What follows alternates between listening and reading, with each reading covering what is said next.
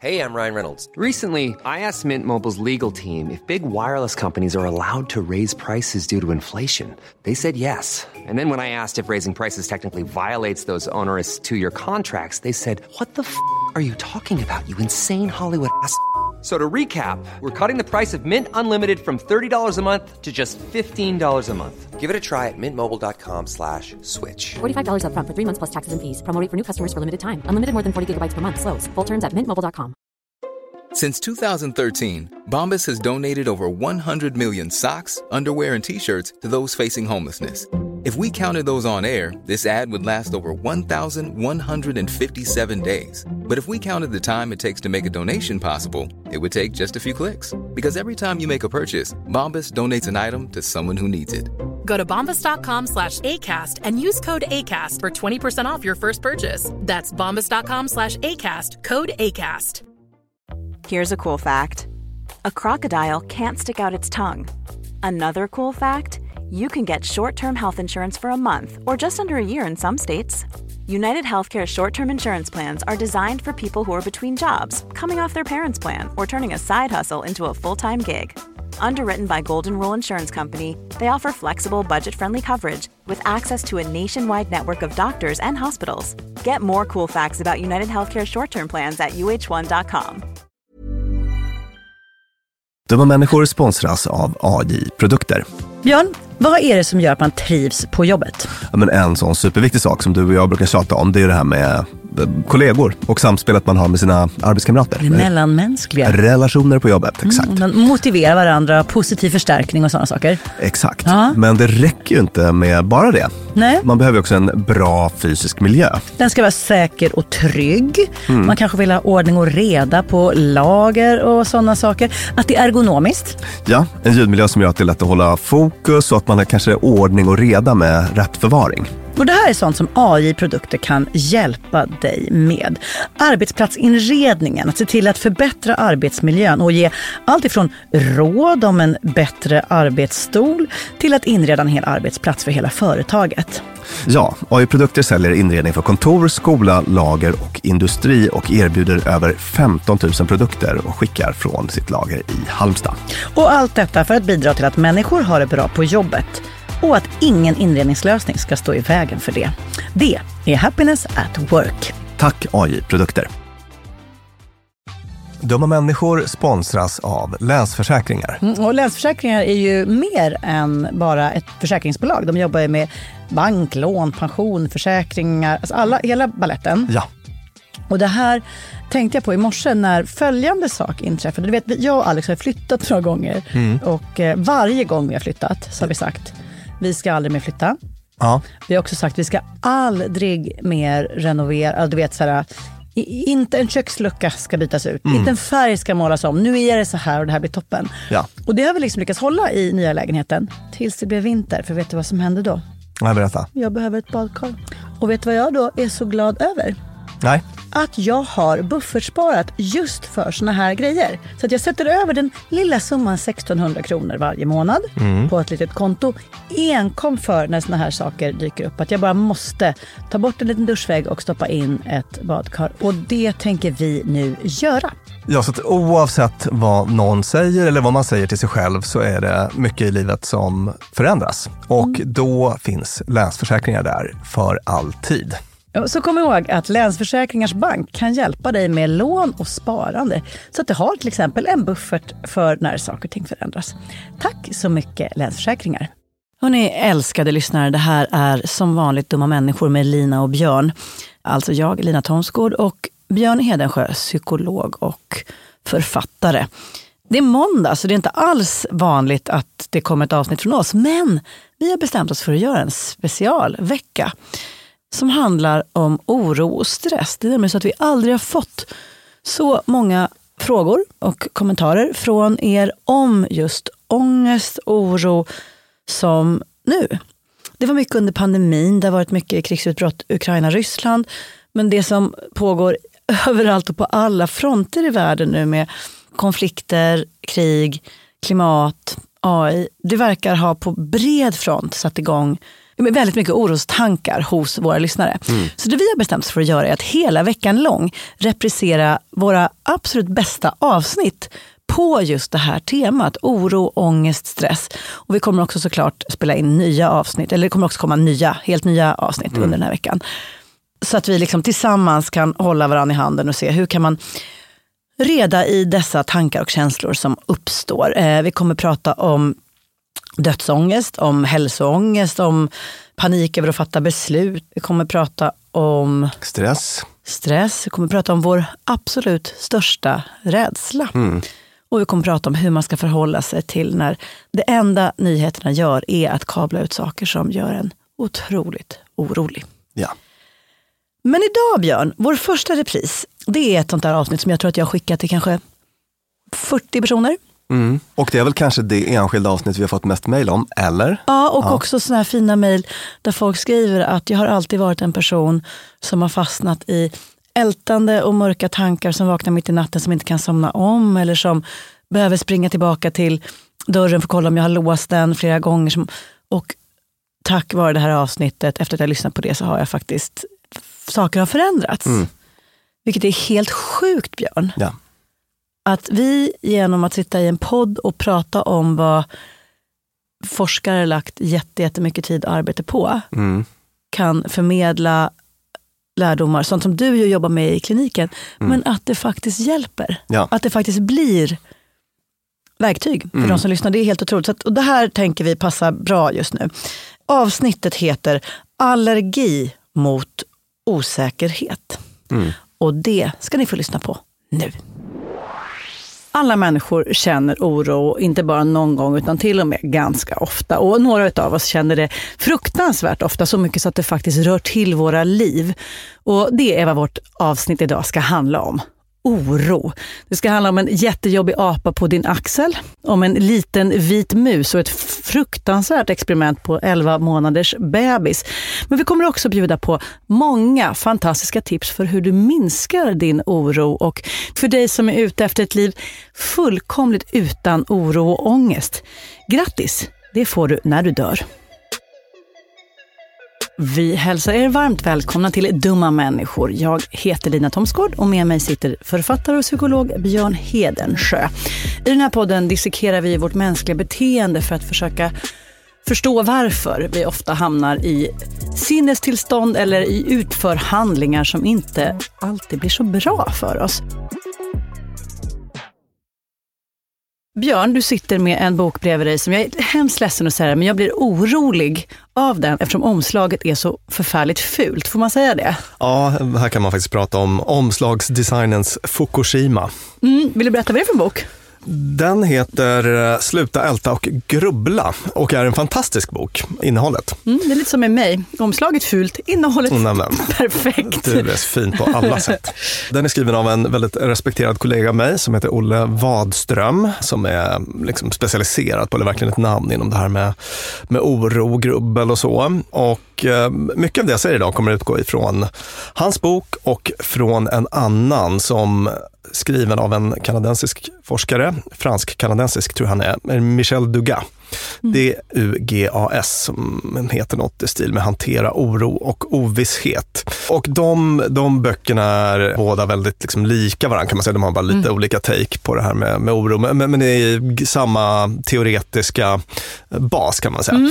Och du vet hur jag ofta brukar vara lite så här, äh, att man inte ska vara bara för att det är så här forskning och vetenskap, att man inte ska ta saker och ting för givna, att det verkligen är så, utan att eh, Ja. Mm. liksom sanningen är preliminär. Sådär. Just Alltså, vi det, brukar till prata om det. proven differently eller vad man skulle kunna Ja, säga. eh, Ja. Vi brukar prata om det ofta i, i podden. Så här. Men det jag ska prata om idag, det är så otroligt jävla solitt. Mm. Så att här kan man säga, typ så här är det. Vad kul, här var ingen replikeringskris. Nej, Nej, för att det här, det här är så grundligt replikerat och bygger på så otroligt liksom, solida forskningsfynd. Så att eh, det här är bra skit. Men, och vi, Eh, vilket var bra, vad bra, vi har då en massa bra forskningsskit mm. och vi har dessutom ett tema som angår, jag skulle säga exakt alla människor generellt, men sen känner vi ju alla vad man har i sin familj, man har bland sina nära vänner, den där personen som alltid är lite extra orolig. Ja. som sover dåligt, som nojar med sina händer och som är sådär. Så det blir förhoppningsvis också hjälpsamt. Ja, absolut. Ja. Precis. Och det här är ju eh, lite av ett favoritämne för mig. Jag tycker som, eh, vad ska man säga, som kliniker tycker jag jättemycket om att jobba med oro, ångest, så, de ångesttillstånden. Just eftersom de metoder vi har är så otroligt bra. Alltså det här är så bra så att det blir nästan alltid bra när man behandlar. Till skillnad från till exempel depression som är, där vi är mycket sämre. Ja. Ibland blir det bra, ibland inte. Så att säga, De metoder vi har är liksom inte lika pricksäkra. Men, men det här som liksom oro och ångest, där, där är vi väldigt um, duktiga faktiskt Men på att få till det. oro, det hoppfulla avsnittet. Ja. Let's go.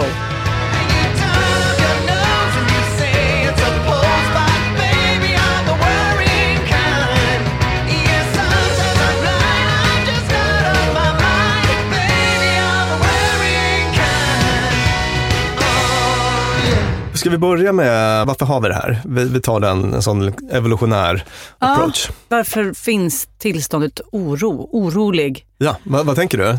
För att när man får svaret nämligen så är det väldigt För att logiskt. förutse risker. Ja, varken mer eller mindre. Mm. Förutse faror, helt enkelt. Det är vår radar för Mm. problem och, och risk. Sådär. Regnmoln på gång där borta. Hmm, det är nog bäst att sätta på mig en regnrock. Och evolutionen då har mejslat fram en väldig fantasifullhet där hos oss. Mm. För att det var superfunkis för våra förfäder och förmödrar. Att, Det är att, därför vi sitter här idag. För att de Ja. långt, långt innan har varit bra på att förutse faror, Ja. agerat Mm. därefter och blivit ett beständigt släkte. ja, precis. Och sen har vi kvar det där liksom oros, oros och ångestsystemet. Även om det i första hand var anpassat till liksom fysisk fara i en i förfluten tid, så där, eller förr i världen, innan, i en värld som såg annorlunda ut. Så är, vi är ju, som jag ofta återkommer till, grottmänniskor i moderna kläder då. Och funkar biologiskt och psykologiskt på många sätt likadant. Sådär. Och det är en av många anledningar till varför vi just beter oss som dumma människor. Ja. När det kanske inte alltid är det mest kloka att göra i stunden. Precis. Och i praktiken så innebär det här att, att vi ofta försöker lösa olösliga problem med våra tankar. För att oro handlar om sånt som inträffar i framtiden. Det är ofta helt hypotetiskt. Tänk om världsekonomin går åt helvete. Tänka, tänka, tänka, grubbla, grubbla, grubbla. Alltså, vi kommer ju inte ett dugg närmare en lösning på det problemet genom att liksom hålla på och veva det i huvudet. Sådär. Men, men vi gör det ändå. Av skäl som jag kommer komma in på snart. Men jag tänkte att vi, allra först vill jag bara koppla till det här som du sa nyss, att vi känner alla de som är lite mer oro, Ja, oroliga än ja. andra. Det finns ju flera skäl till det, men ett skäl är att det är en så kallad normalfördelad egenskap. Alltså att om man tittar på befolkningen i stort så finns det en stor grupp som är någonstans i mitten och sen så finns det de som är så här low anxiety ute i en svans Ja. och så har vi liksom high anxiety ute i den andra. Alltså de som har en sån genetisk eller biologisk tendens. Man, man tänker sig då till exempel att en person som var otroligt orolig, alltså man, man blir väldigt på tårna då. ja, Vad skulle en sån person kunna ha för funktion i, i stammen? men då var man utkiks... Lisa. Kanon på det jobbet, Ja, eller hur? ja visst. Så att, ibland stöter jag på folk som upplever att de faktiskt har nytta av det. Jag känner en läkare som eh, har den här självinsikten, att jag drar väldigt mycket åt liksom, oroshållet sådär. Men det gör att jag så här, trippelkollar medicinering och jag gör liksom aldrig fel för att jag är så himla Mm, jag tänker mig alltid värsta scenarion och så. Tycker att, att han är lite hjälpt av det då, men såklart liksom, extremt energikrävande. Ja, just det. Alla gånger han har trippelkollat Ja. i onödan. Och sen så om man är en sån här liksom, låg orosperson, jag drar lite åt det hållet. Jag, jag har mina andra issues. Mm. Du är inte Jag- så nojig liksom. Nej, precis. Jag brukar inte um, oroa mig så mycket. Jag är så här, Nej. optimistisk och tänker att det löser sig. Alltså, jag känner att jag är sån i grunden på Mm. något vis. Och det är ju, har ju också fördelar och nackdelar. Så, alltså, det är väldigt, Just det, när du sitter på utkiksposten på savannen Japp. och bara, det ser nice ut, jag tar en tupplur så kanske hela stammen dog. Just det, man vaknar med ett spjut i huvudet. Ja. Eller vaknar inte alls då. Ja, exakt. Men det blir å andra sidan ganska liksom, energi... eh, Ja, det var inte så jobbigt. Nej, Nej, exakt. Man, man, man, man kan ta det lite lugnt sådär. Ja. Alla sådana normalfördelade egenskaper har sina så för och nackdelar. Så att säga. Det är Ja. därför de finns liksom representerade i befolkningen. Sådär, det. tänker man sig. Finns det någon genus här kring det här? Jag vet inte om jag bara är fördomsfull nu, men Jag ser framför mig hur berättelsen om oro är liksom oroliga tanter och mammor och tjejer, alltså kvinnor Ja. går runt och oroar sig Ja. och män tänker det löser sig. Alltså, så här, Jag har inte siffrorna i huvudet, men jag vet att kvinnor är kraftigt överrepresenterade i mm, till exempel generaliserat ångestsyndrom, då, som är en av diagnoserna, de oroskopplade diagnoserna. Så. Jag gjorde en sån iakttagelse när vår son var kanske ett år eller sådär. Och om man skulle gå ut med honom i vagnen, att jag hela tiden tänkte så här, om det regnar, om det blir soligt, solskyddskräm, om man blir hungrig, banan och så här.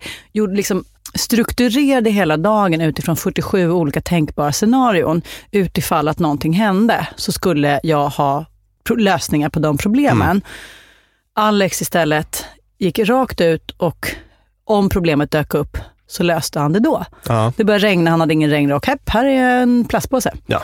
Och det jag tänker mig om det Ja. är det här då, att, att det bästa vore väl om ni hade kunnat mötas någonstans mitt i.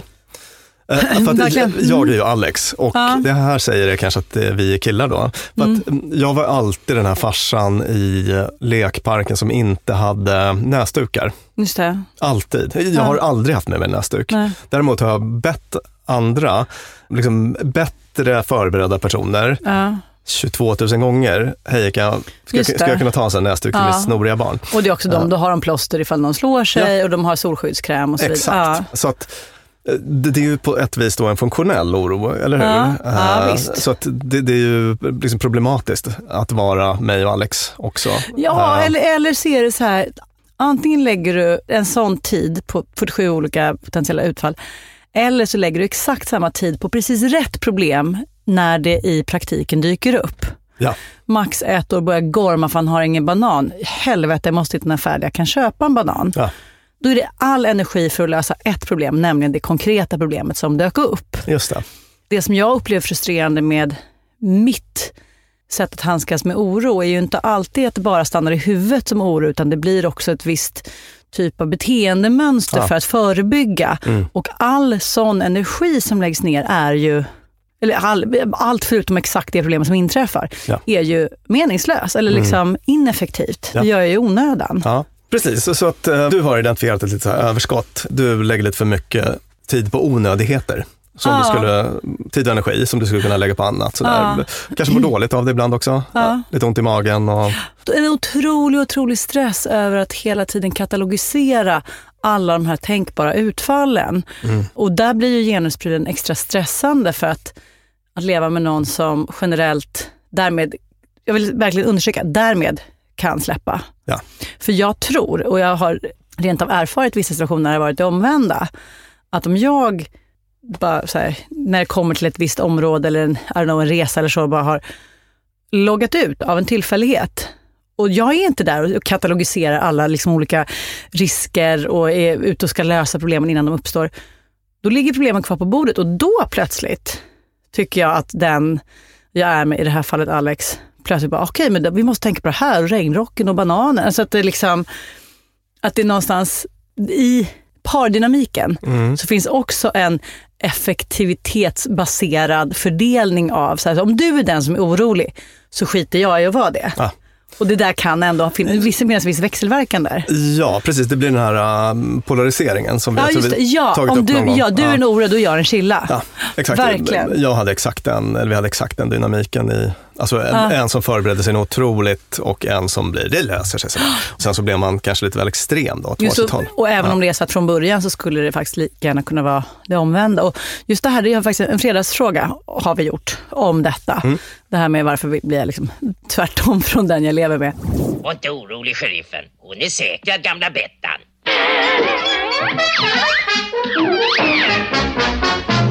Vad i självaste håller du på med, hönshjärna?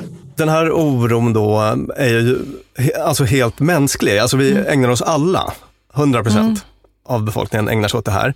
Men i olika mängd och för vissa blir det då så, alltså det blir ett em, problem av psykiatrisk eh, natur. Och då kan det handla om sånt som liksom ett tvångssyndrom, då är det extremt mycket oro. Måste kolla att dörren är låst, måste Ja. kolla igen, måste kolla igen. Ja, tänk, tänk om ett hus brinner ner, tänk om, tänk om, tänk om. Hälsoångest, som vi har gjort ett helt avsnitt om. Social fobi eller social ångeststörning, där man grubblar otroligt mycket på konsekvenserna av sånt som man sa, och sådär, hur man Just såg det. ut och hur, tänk om jag sa, sa något fel då. Kalle kanske aldrig kommer att vilja vara med mig igen och tänk Ja. om, tänk om, tänk om. Sådär. Svartsjuka. Tänk om hon går och fantiserar om en annan eller tänk om hon har en älskare eller tänk om så. Ja, svartsjuka är ingen diagnos, men, men, men att, det, att det kan verkligen eh, ställa till det för en. Och det brukar vara något som vi behandlar då när det påverkar relationer, liksom arbete, socialt liv, eh, plugg. Alltså en, man får en så här eh, nedsatt funktionsnivå i sin vardag. Så där. Eller att man har ett starkt lidande. En grej med eh, oro och ångest är också att när man får sån här väldigt stark ångest så blir man dålig på att tänka. Alltså man blir mycket sämre på att sortera i det här nystanet. Eh, skilja mellan vad som är problem man kan ta sig an och vad som är utom ens kontroll och så.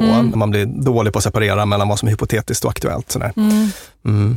En dum människa-effekt som uppstår av Ja, oro. Ja. och, och det är rent så här biokemiskt. Alltså det händer så mycket i kroppen helt enkelt när man får en liksom kampflyktreaktion. Hjärnan är inte inställd på att tänka resonerande i de lägena. Och just det, jag ska nämna GAD också, generaliserat ångestsyndrom. Det är den, så här, den rena orosdiagnosen. Det är när man oroar sig för nästan allt. Ja, så nå- Någon sån kan jag typ inte komma på. Eller, eller går de runt och har det där inom sig och så märker man inte allt? Ja, så, så är det väl ofta. Ja. Det, det är ofta högpresterande personer som är ute och eh, liksom kör på. Nej, det, du, jag tror inte att du behöver märka det sådär Nej, faktiskt. mm. I, men då brukar det vara en, just att den är så generaliserad. Du vet, det är så här tandläkarbesöket, det är eh, att ens barn ska ramla och slå ihjäl sig på lekplatsen. Mm, mm, det mm. är Att det är plaster i leksakerna. plast i leksaker, att, vad ska hända med världsekonomin, hur ska det gå med mitt jobb? Och det var så här, hela livet är så här, tänk om, tänk om, tänk om. Man går hela tiden och kalkylerar sannolikhetsutfall för att saker och ting ska gå åt skogen. Enormt utmattande, Ah, fy fan, stackars er Mm. som har det så.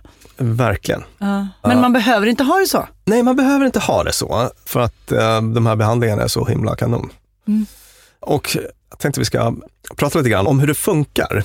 Alltså hur, hur de här orostankarna funkar. Vi börjar där och sen så kommer jag gå på eh, ett gäng konkreta tips då, Ja, på hur man angriper det här problemet. ja. Oro då, vad är det som pågår när man oroar sig? Man kan sätta en slags liksom, inre dialog. Olle Wadström använder uttrycket, det är en tennismatch mellan två olika typer av tankar. Det ena är olusttankar, som kan vara då till exempel, tänk om räntan går upp. Och jag, det. jag, jag som har så mycket lån, Mm. tänk om räntan går upp. ja. Och då kommer det tröstetankar direkt. Jag har inte sett någon expert som varnat om det. Nej, just det. Det tror inte jag kommer hända. Nej. Då kommer det en till sån olustttanke. Det blir som en, en inre argumentation. Ah, Men det var ingen som varnade för stora börskraschen heller. Den bara Nej. kom och sen så hoppade folk från skyskraporna för att de hade inga besparingar kvar. mm, Så kommer en till tröstetanke. Nej, men experterna var nog sämre förr i tiden. just det. Så kommer en till sån här uh, olustttanke då. Fast jag har hört att experter egentligen är jättedåliga på prognoser i podden Dumma människor. Och då kommer en till tröstetanke. Ja, men vi skulle klara av en liten räntehöjning. Vi tjänar ju ganska bra ändå. Mm. Och så kommer nästa olustttanke. Mm, mm. Men tänk om det blir en stor räntehöjning, då kan vi inte bo kvar. Vi kommer få flytta ut på gatan, vi kommer knarka inom sex Mm. månader. Så här. Och den typen av eh, tennismatcher Mm. har inget naturligt slut. Det är som när, förr i världen, när vi pratade några år sedan, så kunde man sätta på en auto-office på sin mail. Och så kunde du sätta på en sån auto-office också. Och så mejlade du mig och då svarade min auto-office och fick en auto-office av dig. Och så bara ding, ding, ding, ding, ding, ding, ding och så dog hela till exempel emimusic.com för att någon, till exempel jag, råkade... Var det så Eh, korkat? Ja, ja, exakt. Okej. Och då sen kunde man liksom börja klicka i, så här, skicka bara en gång till en och samma mottagare. Och Just sånt där. det, känns som att de borde ha Men tänkt på det. många servrar strök med totalt på grund av den här pingpongmatchen mellan out of office. Som liksom stegrade, ackumulerades tills det liksom blev helt omöjligt. Men jag känner igen allt det där du säger. Det är, precis, det är som en fånig liksom, tecknad film Ah. i huvudet med de här olika ting, ting, ting, ting, ting, ting. Ja. Och någonstans, ju mer trösterik jag försöker vara Mm. för att lugna min oro, desto mer kraft samlar orosrösten. Ja. Alltså lite nästan, jag ska inte säga backlash-effekten som jag pratade om, men, men åt det hållet. Eh, hund- att alltså, man liksom rustar sig för fight och ska så här, Inte bara nästan, samla sina utan- bästa argument. 100 procent, alltså, det- ja. Mm. verkligen. Det som är så lurigt här, det, det är att alltså, när man är inom citationstecken schysst med sig själv, Ja. det här lugnande självpratet, Just det. är det som fuckar upp allting. Och hur kommer det sig att de här snälla, goda argumenten, hur kan det komma sig att de ställer till det så väldigt Ja. för oss? Hur kan det komma sig? Ja, jo det är nämligen så här att när man har de här tröstetankarna för att fly från, alltså man använder dem för att fly från någonting olustigt. Just det. Och när man flyr från någonting så kommer det liksom uppfattas som mer och mer hotfullt. Det sker en betingning. Och låt mig nu förklara det begreppet med en klassisk studie. Har du hört talas om Little Albert? Ringer det någon slags klocka? Nej. Nej, det är sån grej som alla psykologstudenter får höra om. Det här Little Albert-experimentet, det var en eh, forskare som hette John Watson. Han räknas som en av de så här mest inflytelserika psykologerna. Han var verksam i början på 1900-talet och det här experimentet, Little Albert-experimentet, det var så oskönt så att det hade man aldrig kunnat genomföra idag. För målet med den studien, det var man hade en bokstavlig Little Albert, en bebis, Nej. en 11 månaders. Och målet i den här studien var att framkalla en fobi hos honom. Mm, fräscht. Fräscht, eller hur? Så att han fick sitta och leka med olika saker, bland annat med någon vit liten mus. Eh, Alltså en riktig mus, som han höll på att klappa och leka med. Sådär. Och då körde man en sån här, man ville skapa en sån här liksom betingad rädsla hos honom, så att man slog ihop en hammare i något slags städ, tror jag det var. Alltså någon typ av metall, metall mot metall. Ni vet ett otroligt obehagligt ljud, Ja. alldeles bakom hans huvud. Nej, men, Eh, Så fort han eh, interagerade med råttan, eller tog i råttan eller hur det var. vilka monster. Verkligen. Och det här gick ju eh, kanon. Man skapade snabbt en, en eh, sån betingad rädsla. En, en, eh, man skapade en eh, musfobi hos den här lilla bebisen. Och Albert kommer uppleva det här liksom sambandet. När en mus är närvarande så är det obehagligt. När musen är borta är det lugnt. Mm. Och det är typ det som sker med de här um, olusttankarna och tröstetankarna. Att när jag har en uh, olusttanke, Mm. då är det fara och färde. Och Mm. när jag har en uh, tröstetanke så är allt gött och mysigt. Mm. Då finns det något som kallas premaxprincip. Jag ska inte fördjupa mig för mycket i det, men, men det innebär i korthet att om vi har någonting som är naturligt förstärkande, det vill säga som är skönt i sig själv, Mm. till exempel att vara en tröstetanke, Mm. eller att spela dataspel.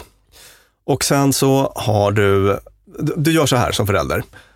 Stina, du får spela dataspel efter att du har diskat, som hon inte gillar. Men eftersom det här diskandet föregår det roliga dataspelandet, så kommer Stina börja ägna sig mer åt att diska. Mm. Är du med? Ja, det blir typ Pavlovs hund. Alltså, när, jag väl har diskat så får jag det här. Ja. Då, då, just det. Mm.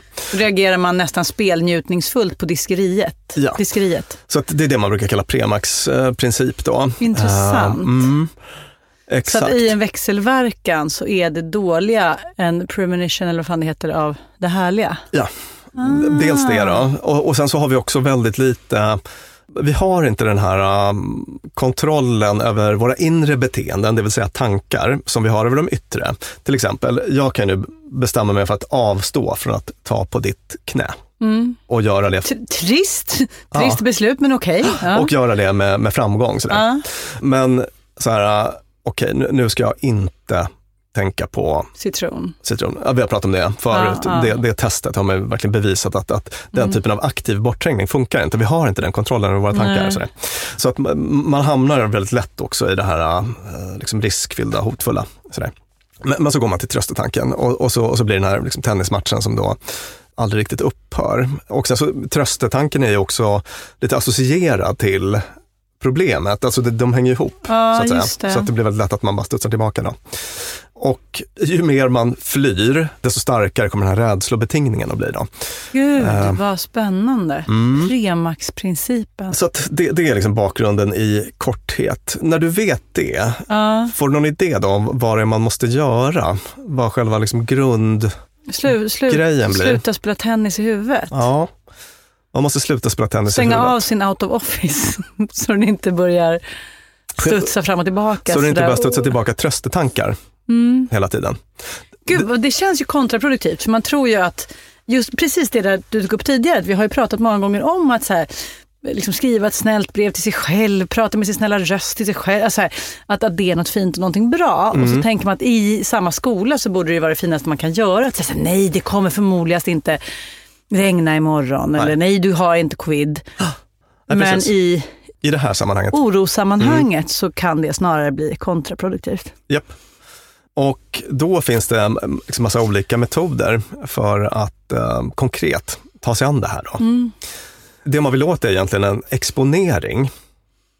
Michel Dugas, Ja, min gamla polare. ja, fransk-kanadensiska. fransk-kanadensiska forskaren. Han har tagit fram, tror jag, det, det, liksom det mest effektiva så här, behandlingsprotokollet för oro. Då. Och han brukar prata om oro som allergi för osäkerhet.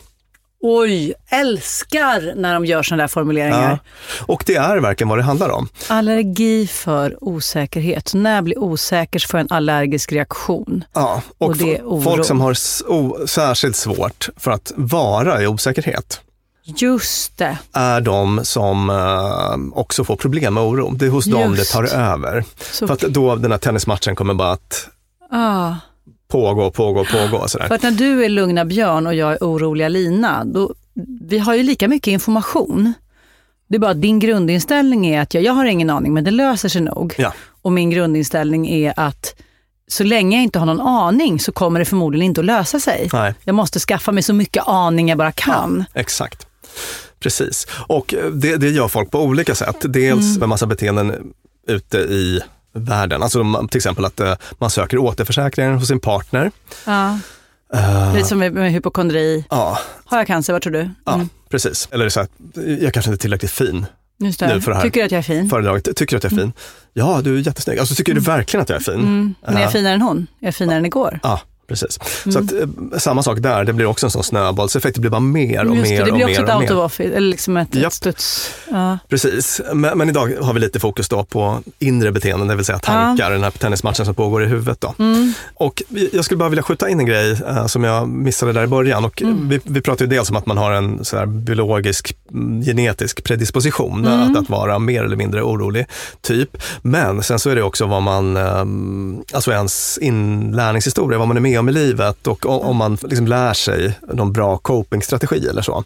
Och har man inte gjort det, det är då det är bra med en sån här eh, behandling, så att säga. då får man en, en, gen, Ah. en genväg till det. Då får man hjälp med de här copingstrategierna. Och det betyder att de av oss som är föräldrar till barn, för det vet, jag har vänner som har barn som, där de ser att hon, han är så himla orolig och jag vill inte att han ska vara det. Ja. Kan man använda sig av det här vi ska komma till? Ja. Även, ja men vad bra. Jo, duga, allergi, Mm. man är allergisk mot osäkerhet. Så att det man egentligen behöver göra då, det är att exponera för osäkerhet. Det vill säga att vara Ah. kvar i osäkerhet. Träna på att stå ut i osäkerhet. Hur gör man det då? Jo, men det är det jag kommer att ge en, Mm. en hög med konkreta tips på.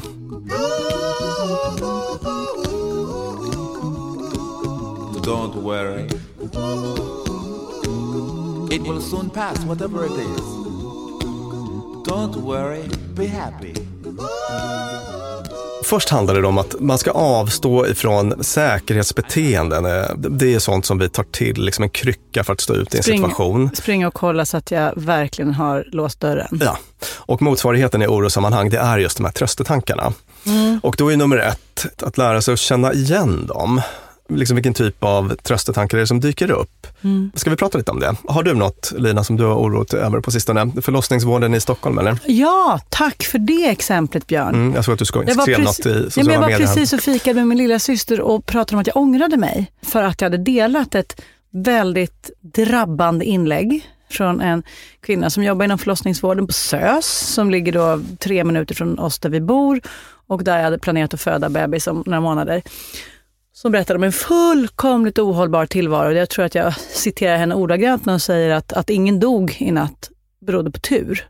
Det var, liksom, det var rent tur. Det var, alltså, och det låter ju jättehemskt och nu sitter jag här och berättar om det i en podd fast jag, alldeles nyss sa till min syster att jag ångrar att jag delar det där. För att absolut, det är viktigt med opinionsbildning och samhällsförändring. Men samtidigt så finns det alltid en en sån moralisk prislapp så fort du klagar på stora samhällsinstitutioner och så vidare. Alltså moralisk prislapp i bemärkelsen att den typen av varningssignalerande får dels konsekvenser för individer som då blir oroliga, men också att man skapar en minskad tilltro till de institutioner som ändå utgör vårt gemensamma. Mm. Det var mina resonemang. Men jag landade ändå i att det var värt att dela det här för att så här ser det ut. Så nu, ja, jag är jätteorolig för Okej. att jag ska föda barn på en förlossningsavdelning med jätte, så här, mycket sparbeting heter det väl. Ja. Och hur fan ska det gå efter corona och personalen är fullkomligt utarbetad och det finns inga pengar, man får ingen Mm. paprika på mackan. Mm. Får man ens epidural? Ingen vet. Nej. Och vad har du för, liksom, vad, i tennismatcherna i huvudet då? Vad, vad dyker upp för? Nu tänker jag så här, fast det gick ju så bra sist. Och sen tänker jag, fast det var en helt annan värld sist. Mm. Och sen så tänker jag att ja, men folk dör ju inte när de föder barn i Sverige. Ja. Alltså så det gör de bara inte. Mm. Och så bara, jo det gör de visst det. Mm. Och så håller det på sådär. Ja, det är väl eh, liksom, typiska exempel på den typen av liksom, lugnande självprat. Sådär. Så att det, det är en sån grej man kan börja öva på. Att, att liksom, Men när ska jag stanna då? Jag ska Alltså- tänka så här, vad läskigt att föda barn på SÖS. Punkt. Precis. Eh, Jaså? jag kommer till det alldeles snart. Mm. Det man kan göra, en så grej som Dugas är väldigt um, betonad då i sin eh, behandling, det är att man ska Mm. liksom skilja mellan hypotetisk oro, det vill säga oro för sånt som ännu inte har hänt. Mm. Vad Mm. vet vi om eh, du ska föda barn? Mm. Och eh, det har ännu inte hänt, så att säga. Nej. Så att, och, och oro för aktuella problem. Och det kan vara till exempel att vi vet inte hur det kommer att gå för dig att föda barn, för att det ligger i framtiden. Mm, mm. Men vi vet att nu finns en liksom verklig oro för din eh, ekonomi för att du fick sparken, säger vi. Just det. Du fick sparken i förra veckan. Ja.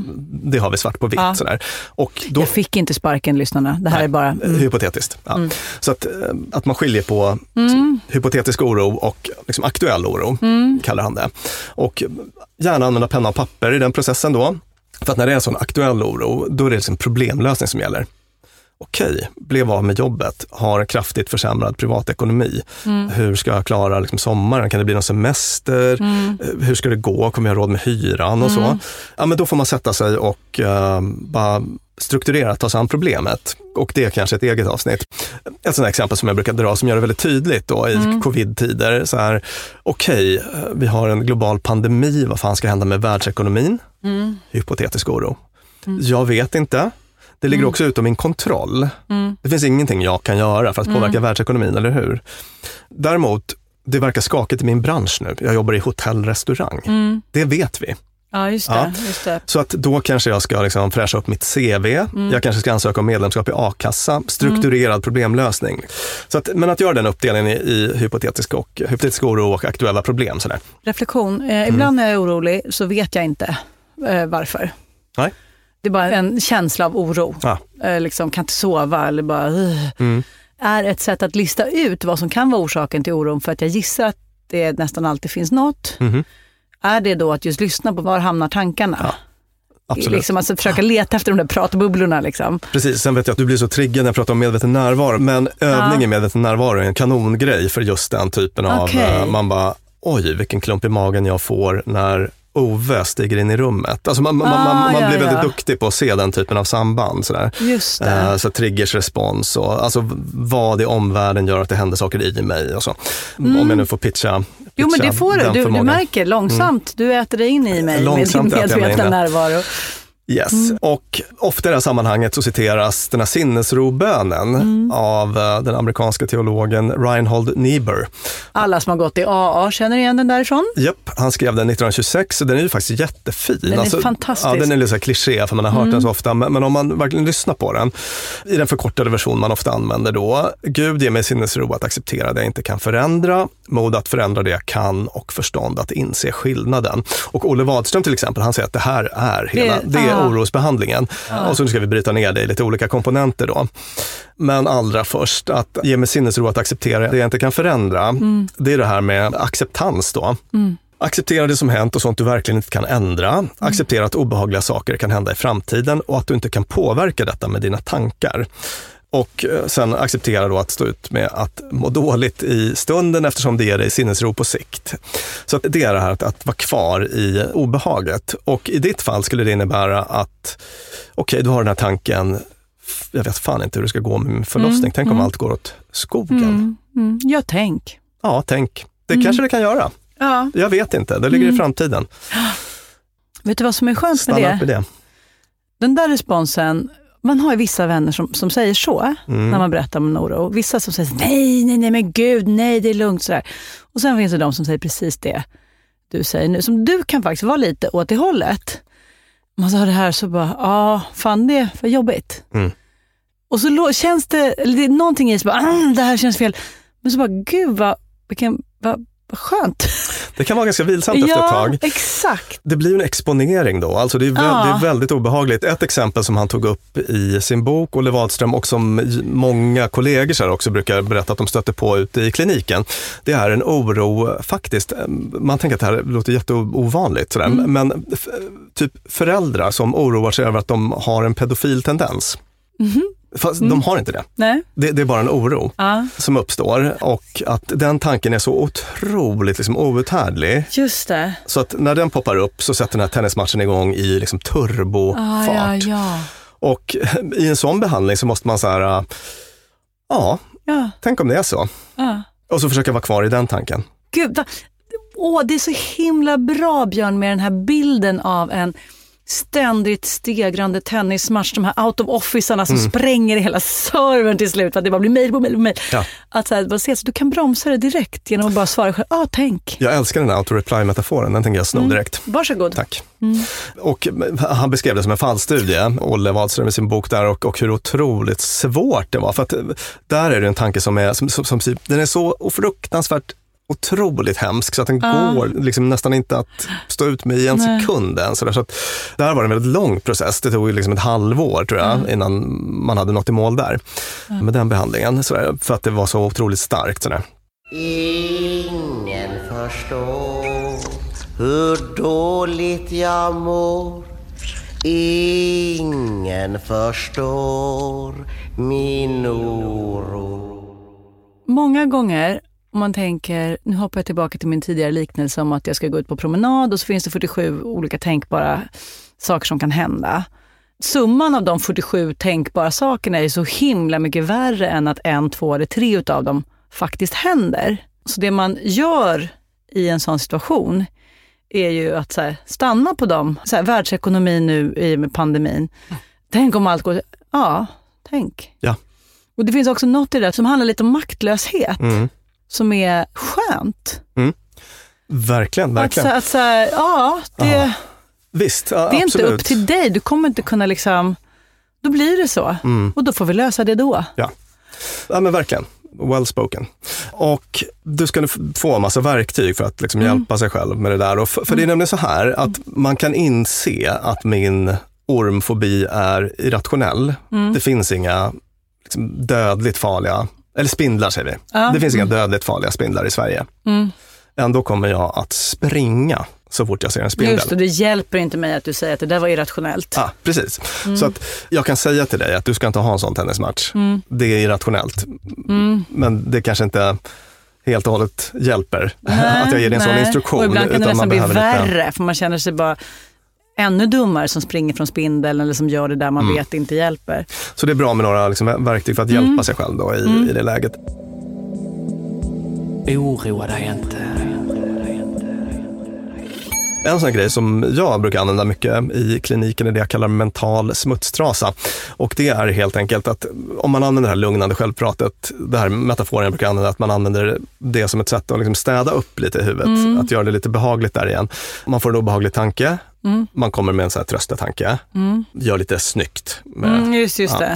Den här mentala smutstrasan, det är då en jordig, äcklig trasa som man går dit med då med flit och bara solkar ner allt igen. Mm. Och det gör man i praktiken på det här sättet. Efter en mening med lugnande självprat. Mm. Säg, vi tar ditt förlossningsexempel här. Gud, tänk om allting kommer gå åt skogen. Mm. Det är så underbemannat i för, Mm. förlossningsvården. Äh, vadå, det brukar ju alltid gå bra. Om man kollar på Mm. statistiken så brukar det nästan alltid Mm. gå bra. Då gör man det här lilla tillägget. Fast jag kan aldrig vara riktigt säker. Jag kan aldrig Just veta det. hur det ska gå, för det, här är inte, Mm. det har inte hänt ännu. Man kan aldrig vara riktigt säker Just det. att göra det tillägget. Ja, För att då blir man kvar i den här olusttanken och får exponering. Så att säga. just det. Man blir kvar i osäkerhet och får exponering för det. Är du med? Jag är, jag är helt med. Då vi Man sabbar det plötsligt, lugnande plötsligt självpratet. två eh, regler här. För det första, när den första orostanken kommer, att lägga på ett ja, tänk. Om jag säger så här, oh, förlossningen kanske kommer gå åt helskotta, ja, tänk. Alltså stanna upp redan där. Ja. Och kommer det en reflexmässig tröstetanke så lägger jag på den lilla tillägget, fast jag kan aldrig riktigt veta. Det kommer gå jättebra. Världens bästa läkare har vi i Sverige, det här kommer gå utmärkt. Fast jag kan faktiskt aldrig riktigt veta. Nej, jag ska säga att den har jag med vissa klienter en jättegod effekt på den lilla grejen Ja, bara. Mm. men gud vad bra. Att man sabbar sitt eget lugnande självprat. Ja. Då blir det mindre Just det, man, intressant man att ta solkar till. ner sådär. det Mm. tillräckligt mycket för att inte behöva gå till attack med ännu liksom, större, starkare orosartilleri. Precis. Och den där strategin som du pratade Mm. om där, den kallar Olle Wadström för chansa-strategin. Det vill säga, ma- man gör tillägg av typen strunta i det, går det så går det. Eh, Mm. Skit i det, kör bara kör. Alltså typ, man, Mm. man lägger till någon sån, jag kanske inte ska hålla den här eh, presentationen, jag kanske borde be någon annan göra det, det kommer Mm. säkert gå åt helvete. Ja, Eh, det kanske det gör. Ja, det kanske det gör. Ja, kör då. Går det så går det. Ja, ja, ty- just typ det. så. Mm. En annan så här, strategi är fatalism. Mhm. Känner du någon som har en väldigt stark ödestro? Mm, inte vad jag kan säga på rak arm. sera, sera. Mm, precis. Men jag känner någon sådär. Mm. De är ju väldigt lugna i regel. Just det, för är det så att världsekonomin brakar sönder på grund av pandemin så var det bestämt sedan begynnelsen. Det blir vad det Det blir. finns ingenting att göra åt det. Nej. Så att Mm. liksom, tankeexperiment av den typen är en grej man kan testa. Så här, Mm. funkar för vissa. Tänka värsta tanken. Att Mm. förstärka. Så här, tänk om världsekonomin går åt helvete. Mm. Ja, den kommer nog göra det. Och det vet man ju då att i min bransch, en liten skakig startup, den kommer ju Mm. inte klara sig många månader till. Och då sitter man där på gatan Spik i foten. Ja, att man liksom extrapolerar Ja. den jobbiga tanken man har och gör den ännu jobbigare. Mm. Istället för en tröstetanke så lägger man till en ännu värre tanke. Ja, just det. En sån hardcore övning. Det- Då kommer inte en super, super trösttanke då för att trösta detta supertokiga scenario. Ja, det kanske kan hända. Då får man deala med det då. Ja. Mm.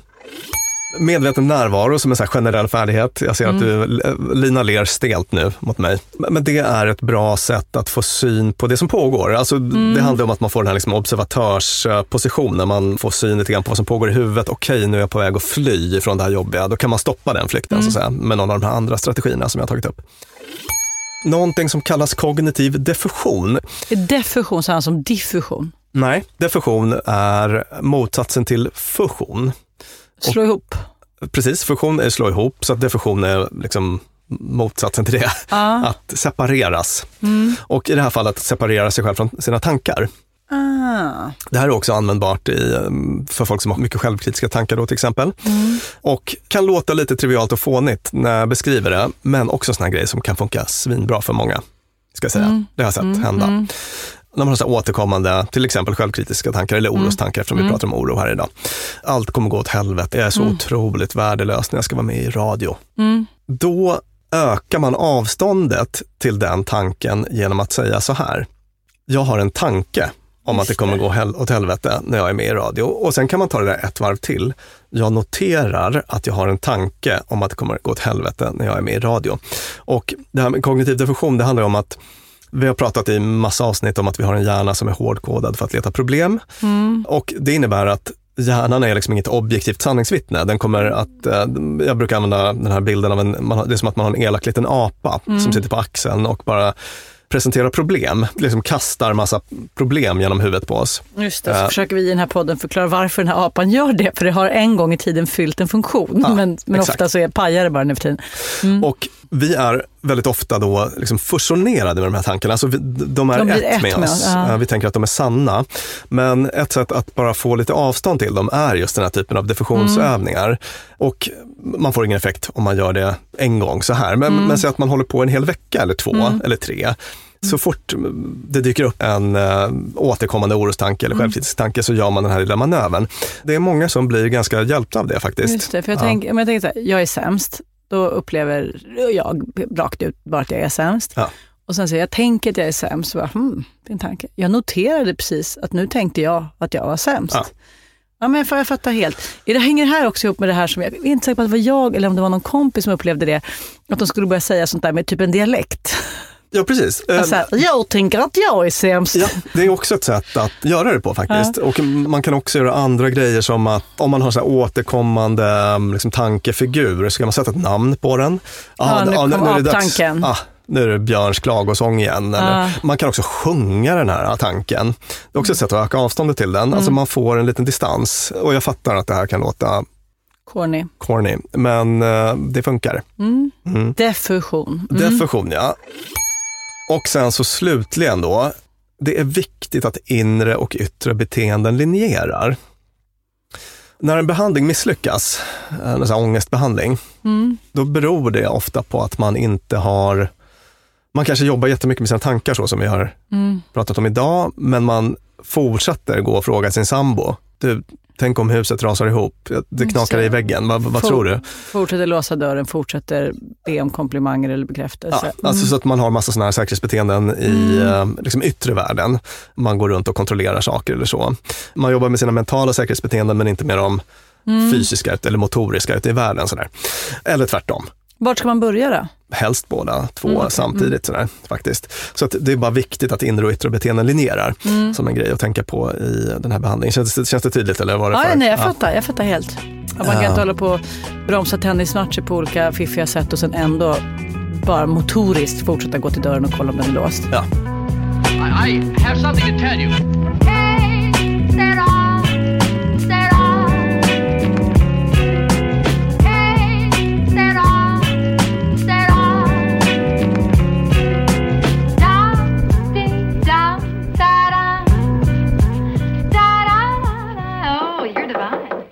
Jag tänkte jag ska säga något om det här med liksom positivt tänkande eftersom det ofta lyfts fram som en bra grej Mm. av allehanda coacher och sånt där. Och då får man eh, gå på så att säga, funktionen i det positiva tänkandet.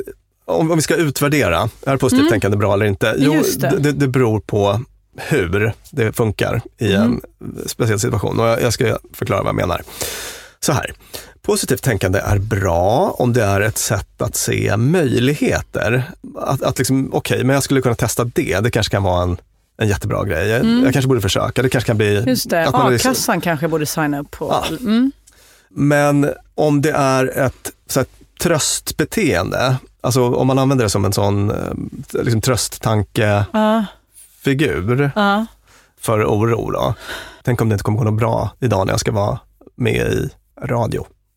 Jo, det kommer gå jättebra. Du är bäst på att vara med i radio. Det kommer gå kanon, säger Ja. tröstetanken. Ja, då är den problematisk på samma sätt som, som alla andra tröstetankar. Ah, intressant, Ja. för då kommer orostanken förstärka sig, Ja. bli uppblåst. Det blir en flykt från orostanken. Och om du istället säger så här, ja, fast jag läser den där artikeln en gång till Ja. och övar med Lina. Ja, precis. Så att, Då tror jag att det kommer gå bra. ja, visst. Mm. Så att den här grejen med Okej, kanske någon lyssnare tänker, ska man bara liksom stå ut med de här? Ska man, eh, liksom, vadå, ska man acceptera att livet är skit? Ska man liksom alltid gå runt med den här typen av eh, bara obehagliga tankar och vad är de? Vad är det för något?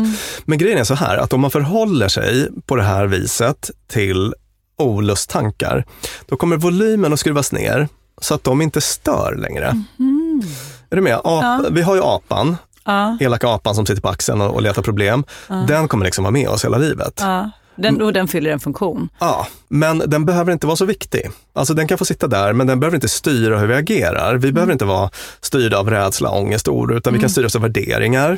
Och då kan den få sitta där och prata och säga så här, Björn, tänk om du går in till chefen nu och ber om höjd lön. Han kommer liksom hånskratta och säga att du är verkligen inte förtjänt av det här.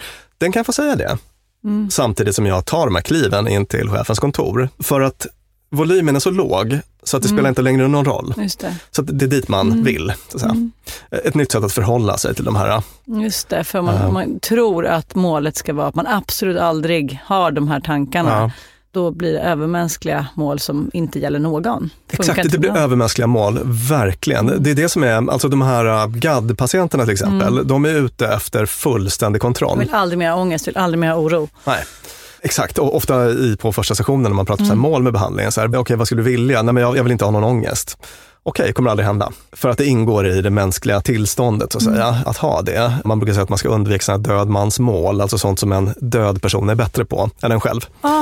Det ska man inte sikta på, för det kommer man aldrig lyckas med. Sådär. och den, den var bra. Ja, och jo, men en sån här GAD-patient kommer att vara ute efter fullständig kontroll över saker och ting.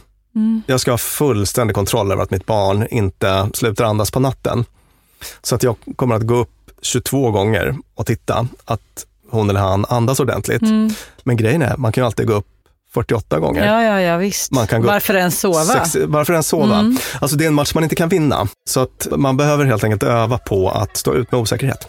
Du, med de orden Björn ska vi tacka för idag. Mm. Tack älskade oroliga lyssnare för detta avsnitt, för att ni har lyssnat. Jag heter Lina Thomsgård. Björn Hedensjö sitter mitt emot mig. Avsnittet har klippts av Peter Malmqvist och producerats av Klara Wallin. Och det har spelats in på Beppo.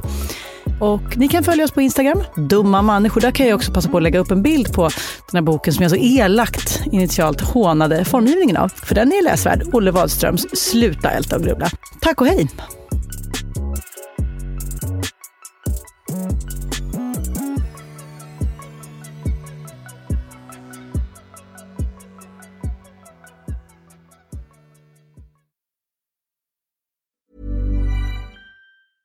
Even when we're on a budget, we still deserve nice things. Quince is a place to scoop up stunning high-end goods for 50 to 80% less than similar brands. They have buttery soft cashmere sweaters starting at $50, luxurious Italian leather bags, and so much more. Plus, Quince only works with factories that use safe, ethical, and responsible manufacturing. Get the high-end goods you'll love without the high price tag with Quince. Go to quince.com slash style for free shipping and 365-day returns. Mom deserves the best, and there's no better place to shop for Mother's Day than Whole Foods Market. They're your destination for unbeatable savings, from premium gifts to show-stopping flowers and irresistible desserts. Start by saving 33% with Prime on all body care and candles. Then get a 15-stem bunch of tulips for just $9.99 each with Prime. Round out Mom's menu with festive rosé, irresistible berry chantilly cake, and more special treats. Come celebrate Mother's Day at Whole Foods Market. Imagine the softest sheets you've ever felt. Now imagine them getting even softer over time. That's what you'll feel with Bowl and Branch's organic cotton sheets. In a recent customer survey, 96% replied that Bowl and Branch sheets get softer with every wash. Start getting your best night's sleep in these sheets that get softer and softer for years to come. Try their sheets with a 30-night guarantee. Plus, get 15% off your first order at bowlandbranch.com. Code BUTTERY. Exclusions apply. See site for details.